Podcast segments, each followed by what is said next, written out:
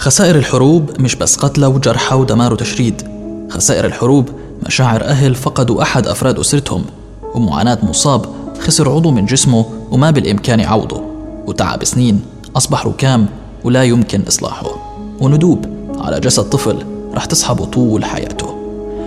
خلف كل نزاع هناك مآسي إنسانية آثارها طويلة الأمد ومع استمرار النزاعات وتعددها حول العالم تزداد الحالات الإنسانية المتضررة من العنف. بودكاست الرحلة هو سلسلة من القصص الإنسانية لأشخاص عانوا نتيجة الظروف المحيطة فيهم وبيستفيدوا من خدمات الرعاية الطبية والتأهيلية اللي بتقدمها منظمة أطباء بلا حدود لضحايا العنف والكوارث والأوبئة في أكثر من 70 دولة حول العالم.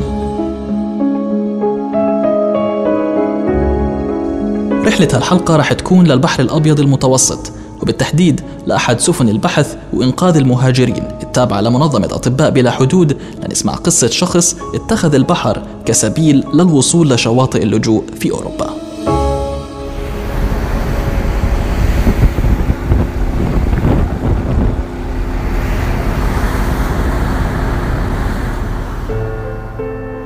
ياسين سوري من حلب اضطر يترك أهله ومدينته بعد وصول العنف لمنطقته سنة 2012 قصف وخربوا الدنيا وطفشوا الناس وكل شيء.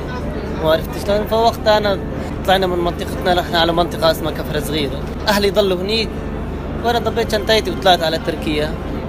من تركيا طلعت على مصر.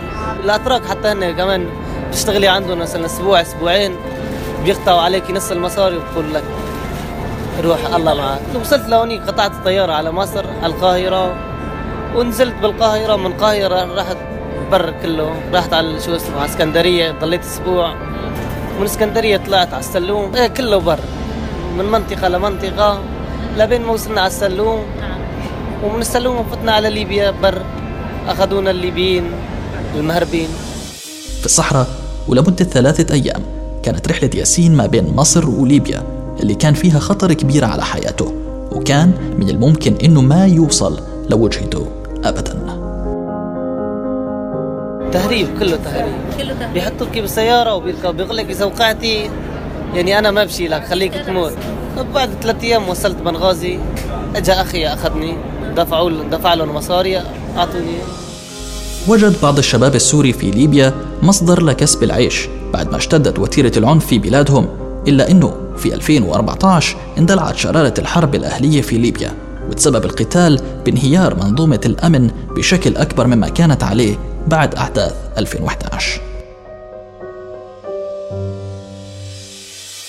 إيه عشت بنغازي ومغلق ثلاث سنين إلا ثلاث سنين. لعند بداية الكرامة. دخلت الكرامة كان فيها تقريبا ثلاث شهور. وصار الكرامة صار في قصف عشوائي فطلعت. لبداية 2014 أني كانت الكرامة ما زال ضعيفة مو عرفت كيف. فكان القصف بسيط. في 2015 صار أقوى. رحنا على جدابية قعدنا بجدابيه حوالي ست سبع شهور.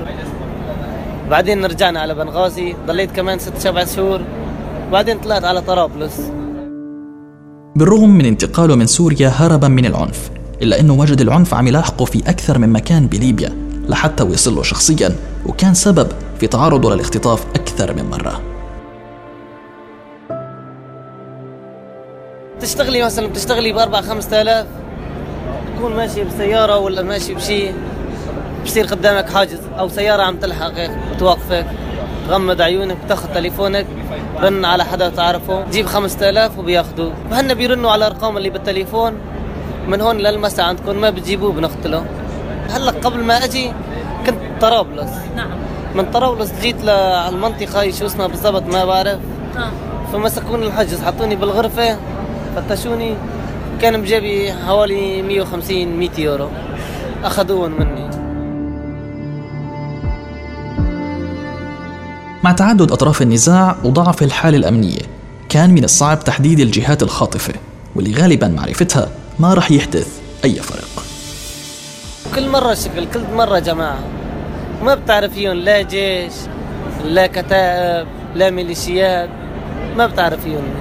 بس متنكرين بلباس الجيش يعني كلهم. آه. يعني كلهم جيش وشرطة ولحاله ما في شيء كله كله كتائب. بنغازي مرة في المرج ضربوني وجهي هذا كله ورا مو ورا تعددت الأسباب اللي جعلت ياسين يفكر بترك ليبيا وكانت غالبيتها مرتبطة بتجارب شخصية صعبت من إمكانية بقائه في البلد. كرهت البلد بدي أطلع منها خلص ما ضل ما ضل فيها يعني يعني عم نشتغل عم ناكل ونشرب بس يعني. بس أكل وشرب. يعني ما بتصمد أكل وشرب و... وخايف هنا ساعة بيجي يدق الباب يحط سلاح براسك ياخذوا كل شيء بجيبه. يعني اللي عم تشتغليه على الفاضي كله وأمن وأمان ما في بالليل من بعد المغرب ما فيك تطلعي بطرابلس لاني كل الوضع بيخوف. التفكير بقطع البحر من دون أي ضمانات للسلامة أو حتى معرفة احتمالية النجاة ما كان خيار سهل على ياسين.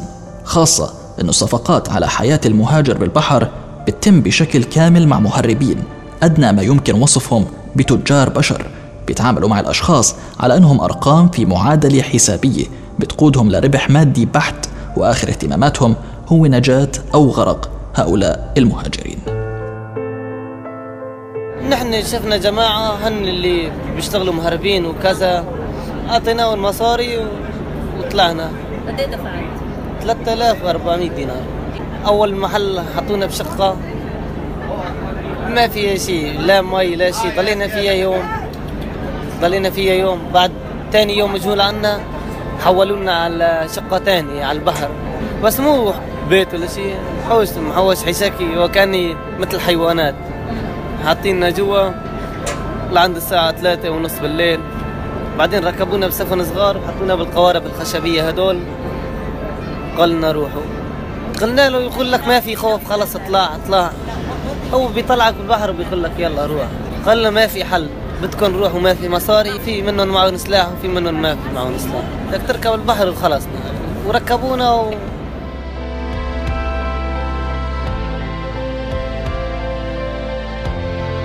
دفع ياسين 3400 دينار ثمن لحياته أو ربما كان من الممكن تكون ثمن لغرقه. وبعدها أنهى المهرب علاقته بالمهاجرين جميعهم.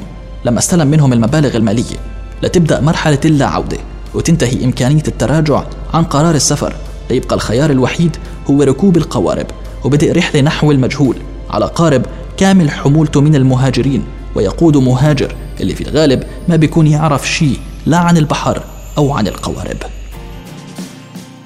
أول ما طلعنا خفنا كثير أول ما طلعنا بالسفن الصغيرة بعدين فتنا بالكبيرة. أول ما ترفعي راسك على المي بتدوخي بتقعي على الأرض تراجعي في خوف مو يعني خوف خوف يعني بصراحة. إن أنت بالمي إذا انكسر قارب ولا ينقلب ولا شغلة. والناس بس تشوف السفن منه بيطلع على جنب سفينة بتقلب وكذا يعني خوف. وبس فتي بالمي يعني ما في نجاة. كنا حاطين الموت قدام عيوننا يعني. رح يسعى ياسين للوصول لوجهته في أوروبا وأنه يبدأ حياته من جديد بالاعتماد على خبرته في مهنة الديكور المنزلي. نحاول نعيش عيشة ونكون نحن مبسوطين ونأسس حياة هنيك يعني. والله يا على ألمانيا يا بلجيكا. وهنيك يعني ك عنا الناس راحوا كثير هنيك ما عرفت شلون. وشوي شوي بنتعلم اللغة هنيك ونعيش هنيك. وجدت طواقم منظمة أطباء بلا حدود القارب اللي كان على متنه ياسين والعشرات غيره. بعد وصول نداء استغاثي حوالي الساعة عشرة ونص الصبح لمركب إنقاذ برودنس التابع للمنظمة في البحر المتوسط في ذلك اليوم. القارب اللي كان عليه ياسين أبحر من ليبيا قبل ست ساعات من العثور عليهم.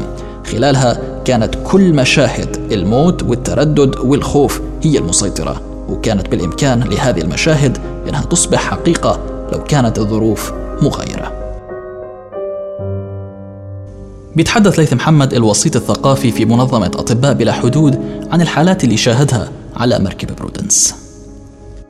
بصراحة يعني الاستنتاج آه، واضح وبسيط اللي اللي مستنتجه من ليبيا إنه ما شفت واحد من الناس اللي مو متعرض لقهر لظلم آه، الوضع سيء جدا. يعني بنسمع قصص آه، الواحد ما ممكن يتخيلها إنه على أرض الواقع. فالوضع كارثي في ليبيا أنا برأيي. في عالم سمعنا قصصهم هم انحبسوا لمدة سنة في أماكن في عالم استخدموهم كعبيد في كتير عنف آه، جسدي حتى في عنف جنسي خصوصا للنساء. ما بينسى ليث اللحظات اللي أثرت فيه وبيتذكر منها. في آه، امرأة توفت وإحنا عم نحاول آه، نسحبها على القارب الكبير عنا. فيعني أنا كنت في القارب اللي بجنبهم وسمعت صوتها ويعني في عالم كمان حواليها كانوا عم بيصيحوا بس كان ما في مجال إنه نقدر نطلعها لأنه العالم كانوا فوق بعض فبصراحة أثرت فيني كثير وكانت شوي يعني صعبة عليه الواحد إنه يسمع إنه يعيش هاي اللحظة.